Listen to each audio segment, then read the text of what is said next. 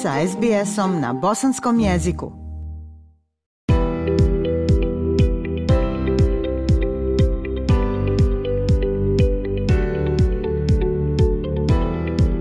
Slušate SBS program na bosanskom jeziku. Ja sam Aisha Hadži Ahmetović. Jedan od najaktivnijih članova BH zajednice u Australiji, a koji pripada mlađoj generaciji je nesumnjivo dr. Edhem Čustović, vanredni predavač na Univerzitetu La Trobe u Melbourneu i osnivač organizacija Bosnian Future Foundation i Australian Bosnian Professionals, koje svojim radom ne samo da unapređuju život mladih ljudi bosansko-hercegovačkog porijekla, nego na najljepši način promovišu dignitet bosanskog čovjeka ovdje Down Under. Svojim radom u zadnjih desetak godina dr. Čustović izgradio je nevjerovatno čvrst most između Australije i Bosne i Hercegovine kroz razmjenu studenata i isticanjem intelektualnih, naučnih i umjetničkih vrijednosti ljudi iz prve domovine i Australije – U posljednje vrijeme, širenjem dometa Bosanske fondacije budućnosti i umrežavanjem ljudi akademskog obrazovanja i naučnih aspiracija, taj most je postao globalan, okupljajući mlade Bosance i Hercegovce širom svijeta. Iduće sedmice Bosanska fondacija budućnosti u saradnji sa Melbourne Business School organizuje prvi bosansko-hercegovački virtuelni okrugli stol i tim povodom ugostili smo danas doktora Čustovića. Prije svega srdačna dobrodošlica u SBS program na bosanskom jeziku, doktore Čustović. Ajša, hvala mnogo na pozivu i na ovako prelijepom uvodu. Ovaj, nadam se da ću opravdati ovaj, očekivanja vaših slušalca. Teško je ukratko predstaviti doktora Čustavića, ipak dovoljno je da kažem da Edi, kako ga prijatelji zovu, pokreće stvari. Ideje nadolaze u bujicama i one se, što je najvažnije, ostvaruju. Ja sam vas jednom u šali, doktore Čustoviću, nazvala novo čovjekom, koristeći tu u Elbekovu kovanicu i pokušavajući sažeti sav entuzijazam, energiju i neumorni živi duh koji realizira i na izgled nevjerovatne ideje. Dakle, šta će se dešavati 11. maja? O kakvom je online forumu riječ? Kao prvo možda kao neki kratki uvod slušalcima da razumiju zašto je uopšte došlo do takvog projekta. Svi su upoznati sa činjenicom da bosansko-hercegovački intelektualni sloj društva je zaista zauzeo jako impresivne pozicije širom svijeta u nekih četrdesetak zemalja gdje se nalazi dobar dio naše dijaspore. I mi već duže vremena kroz rad fondacije pokušamo neki način da stavimo na raspolaganje taj intelektualni sloj društva E, mlađim generacijama u Bosni i Hercegovini, a da također međusobno imaju kontakta i ostvaruju nove vrste suradnje. I evo, mogu reći iskreno, u zadnje dvije godine smo se pravu posvetili ne samo profesionalnim ulogama, već i ovoj akademskoj zajednici. U bosansko-hercegovačkom, tom kažem globalnom, globalnoj zajednici, postoji više akademskih zajednica, Postoji jedna originalna koja je nastala već podavno za vrijeme Jugoslavije, to je Akademija nauka i umjetnosti Bosne i Hercegovine. Onda imate i sličnu organizaciju koja je bazirana u Sjednjim američkim državama. Imate nekih manjih e, i manje prepoznatih organizacija koje se bave umrežavanjem tog bosansko-hercegovačkog naučno-istraživačkog sloja našeg društva. Međutim, mi smo prepoznali mogućnost da zapravo e, ljudi koji nisu članovi tih zajednica, a da bi postali član tih zajednica, ipak morate imati prilično impresivnu karijeru, možda biti u tom kvartalu vaše karijere koji je već dokazao vaše iskustvo i vaše rezultate. A šta je sa preostalim članovima te zajednice i onima koji imaju aspiraciju da budu članovi tih organizacija, oni su nekako izostavljeni iz tih krugova, time da neke organizacije rade mnogo bolje na tome nego druge. Neke su više inkluzivne, neke više e, isključivo u tom smislu. Mi smo na mreži koja je svima poznata, LinkedIn za profesionalni svijet, o, napravili jednu grupu i grupa je zapravo fokusirana na prikupljanje bosansko-hercegovačkih naučno-stađivačkih kadrova. I u toj grupi smo uspjeli u vrlo kratkom periodu od nekih, da kažem, par mjeseci skupiti preko 1200 članova. To su znači ljudi koji su ili doktorirali i rade kao profesori naučno-stađivački kadro u određenim organizacijama, ili su na doktorskim studijama, ili su fantastično nadareni mladi mladi ljudi koji se bave naukom, ali nisu još doktorirali, ali idu u tom pravcu. S ciljem da te ljude umrežimo i da pokušamo naći način kako da stvorimo bolju suradnju između naših kadrova koji žive van Bosne i Hercegovine i onih koji su ostali i rade u Bosni i Hercegovini. I prvi taj pokušaj naravno je ostvarivanje te grupe, e, zacitati neke ciljeve, ali drugi korak svega toga jeste da se ljudi upoznaju koliko toliko. Naravno, uzimajući obzir da naši članovi dolaze iz 40 plus zemalja, uključujući i Bosnu i Hercegovinu, to je malte ne nemoguće ostvariti sa jednim ili više skupova uživo. Mada ima mnogo konferencija na kojima se oni sastaju u Bosni i Hercegovini, opet je jako teško to učiniti. Ukazala se odlična prilika, u ovom trenutku moram i se pohvaliti, zapravo zahvaliti, pa onda pohvaliti, zahvaliti kolegi doktoru Damiru Mitiću, koji je vjerovatno također poznat vašim slušalcima, koji evo već zadnjih godinu i pol dana radi na univerzitetu u Melbourneu, na ekonomskom fakultetu, zapravo Melbourne Business School, i oni su u sklopu te, tog fakulteta eh, pokrenuli Melbourne Business School online. Zapravo to je jedan odjel eh, tog fakulteta koji se bavi isključivo online obrazovanjem za visoko obrazovani kadar. Znači govorimo o stručnim ljudima koji već rade u privredi i imaju niz godina iskustva. I u sklopu njihovog rada oni su prvi univerzitet, što mi kažu u, u južnoj hemisferi, čak i u čitavoj Aziji također i jedan od rijetkih univerziteta koji je investirao u novu tehnologiju, a to je virtualna učionica.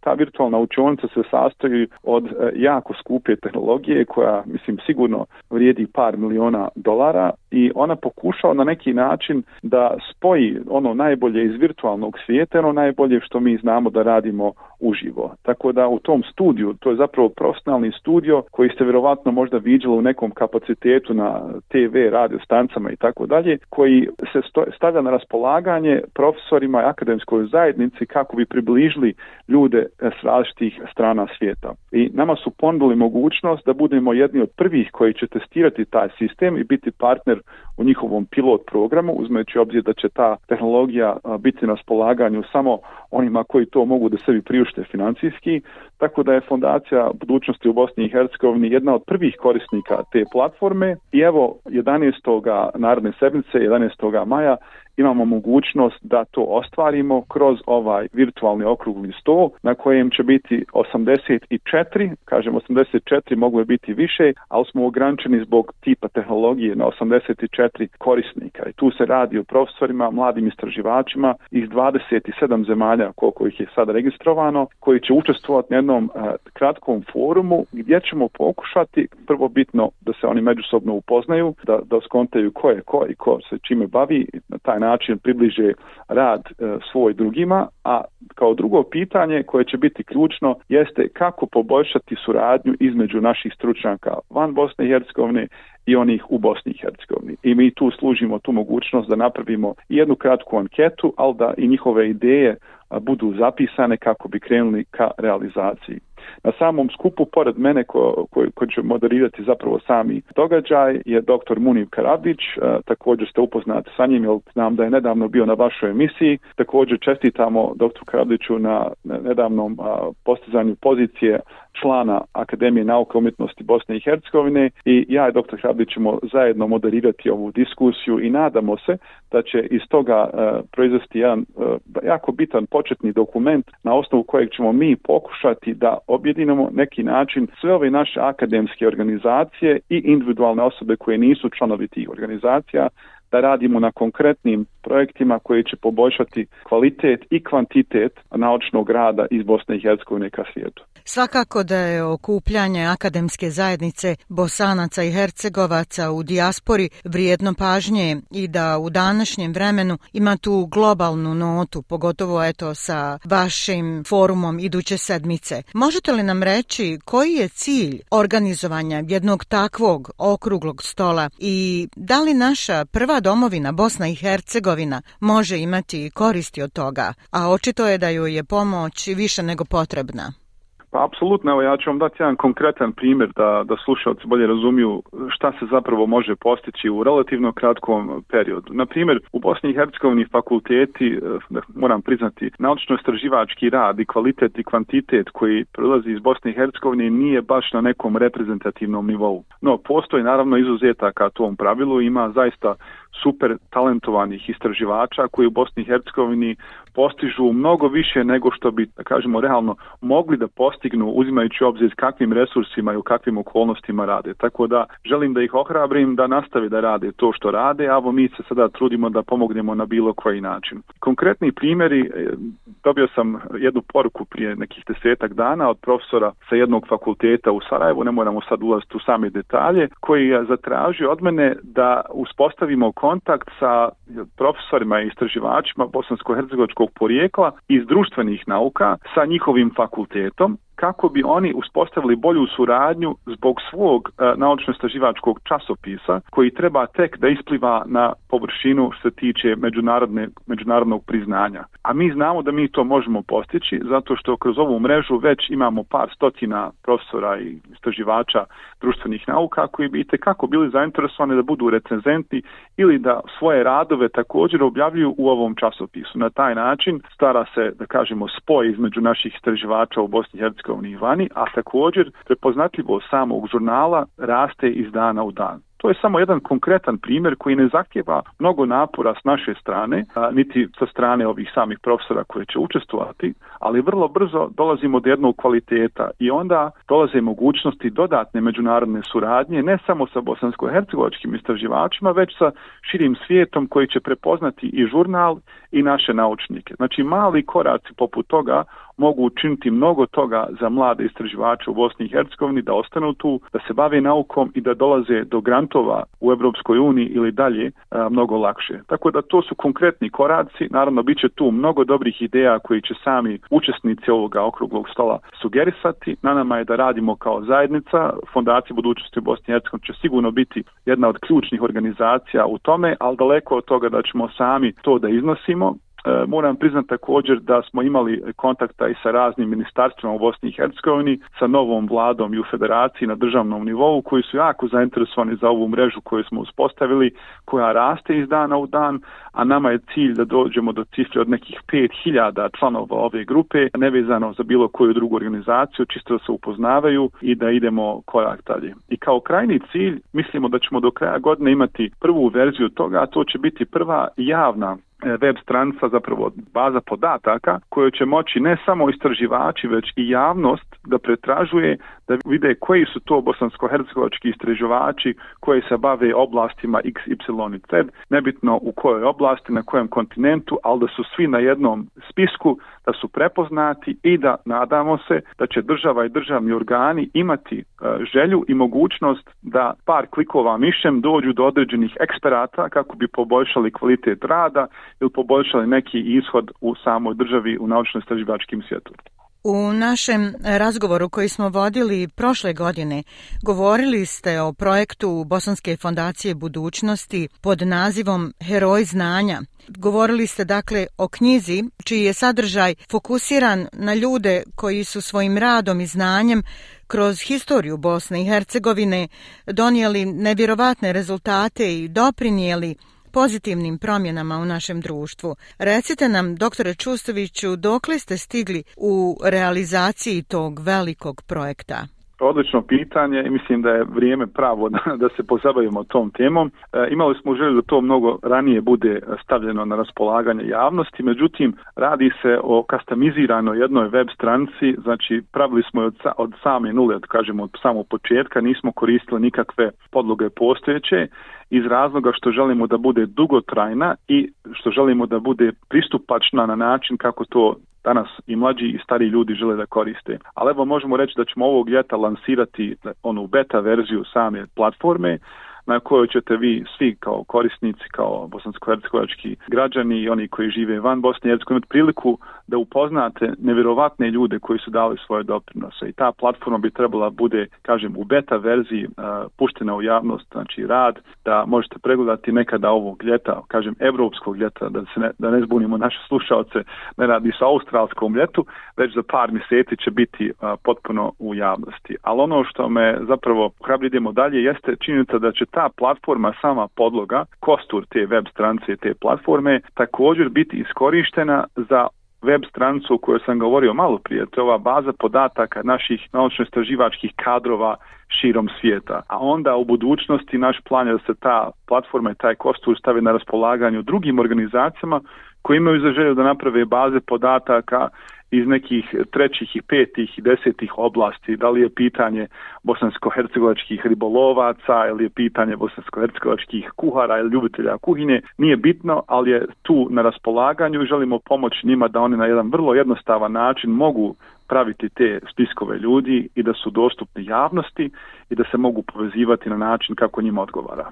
Da, Bosna i Hercegovina je zaista uvijek imala i ima velike individualce koji i danas eto mogu biti ideal inspiracija mladim ljudima u trasiranju svog životnog puta. Vi ste prošle godine za Dan državnosti Bosne i Hercegovine ovdje u Melbourneu napravili odličnu akademiju, pri čemu ste ustanovili nagradu Amir Bukić, nazvanu po mom rahmetli kolegi. Svi mi koji smo dobili nagradu bili smo dirnuti i počastvovani takvom gestom. Recite nam više o toj ideji. Šta je vama značio rad Amira Bukića u Australiji?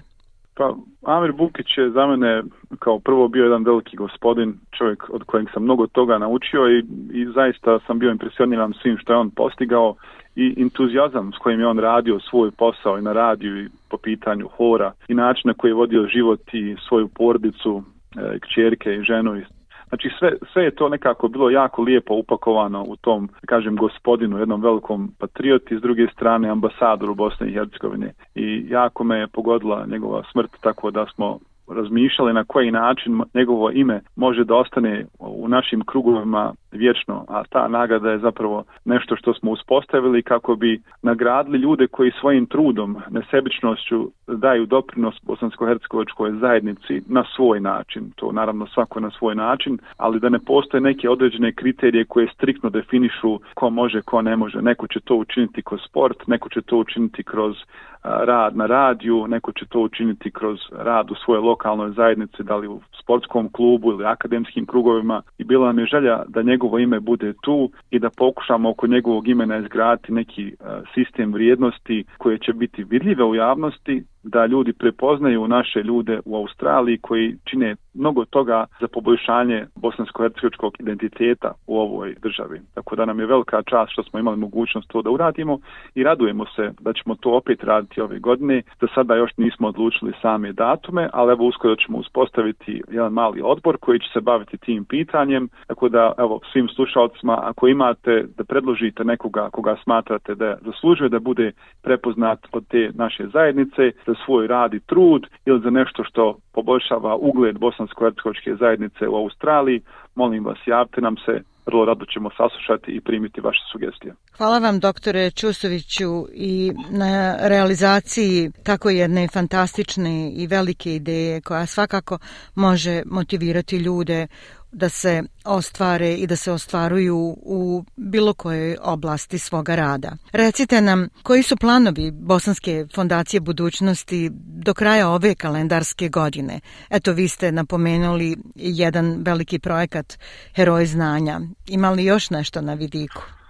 Jako mnogo projekata, ali evo trenutno najaktualniji projekat koji je trenutno ona, na raspolaganju svima jeste 3 Minute Thesis, to je takmičenje u kojem omogućavamo e, mladim istraživačima na bachelor, master ili doktorskim studijama da predstave svoj naučno-istraživački rad u 3 minute, znači snime jedan kratki video u kojem objašnjavaju javnosti svoj projekat i naravno tu imamo nagradni fond od 20.000 konvertibilnih maraka. Ovo je već četvrta godina zaredom da održavamo to takmičenje i mislim da ćemo ove godine imati isto tako jedan jako lijep broj takmičara u tom sistemu. Naravno, od najvećih prednosti tog takmičenja jeste mogućnost da upoznate svoje kolege u drugim državama koje se bave istraživanjem, ponekad onim sličnim temama koje se vi bavite, a ponekad totalno drugim. A svrha jeste naravno upoznavanje i predstavljane e, kalibra, intelektualnog kalibra mladih ljudi koji imaju bosansko-hercegovačko porijeklo. Moram priznati da je također ta nagrada od 20.000 maraka, iako simbolična, možda i, i, i žalosno s druge strane da predstavlja najveći nagradni fond za naučno-istraživački rad za mlade ljude u Bosni i Hercegovini. Nama je cilj da u narodnom periodu taj fond povećamo i ovom prilikom također vašim slušalcima kogod ima želju da da doprinos, da poboljša kvalitet naučno-istraživačkog rada u Bosni i Hercegovini, može učestvovati, može postati čak i sponsor samog takmičenja ili sponzorisati individualnu nagradu. Pored 3MT takmičenja, naravno ovog ljeta opet otvaramo konkurs za naše stipendije u fondaciji. Nadamo se što većem broju aplikacija kako bi nagradili i financijski podržali mnogi broj mladih ljudi i njihovom profesionalnom razvoju. E, više detalja ćete čuti vjerovatno u narednom periodu i naravno za kraj godine naš opet veliki skup, naša najveća konferencija, zapravo naša godišnja konferencija Futures Leaders Summit koja će se opet ove godine održavati u Sarajevu, u Domu mladih, Skenderija. Prošle godine smo imali preko 350 učesnika, ove godine ciljamo na preko 500 učesnika. Naravno i tu smo malo ograničeni uzmejući obzir sami kapacitet, ali predstavljamo tu mogućnost kao tačka na kojem će se sastajati naši uh, intelektualci širom svijeta i mladi ljudi upoznavati, širiti znanje, upoznavati poslovne i stručne ljude iz različitih oblasti, tako da evo, i ovom mogućnostu pozivam sve vaše slušalce, pogotovo one koji imaju djecu koja su u tim godinama gdje imaju želju da upoznaju svoje kolege iz drugih zemalja. Sredinom decembra računajte na konferenciju Futures Leader Summit fls.ba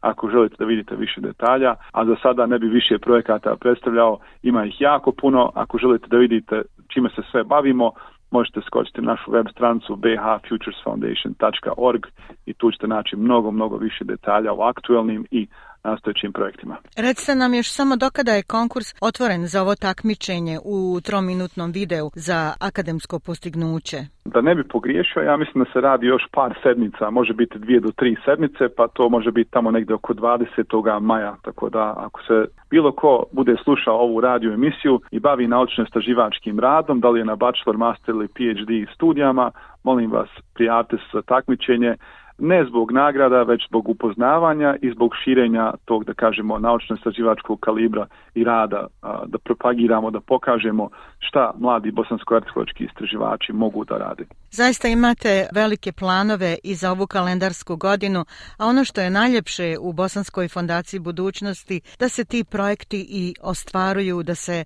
realiziraju i da svakako imaju odjeka. Recite nam šta biste poručili našim slušalcima?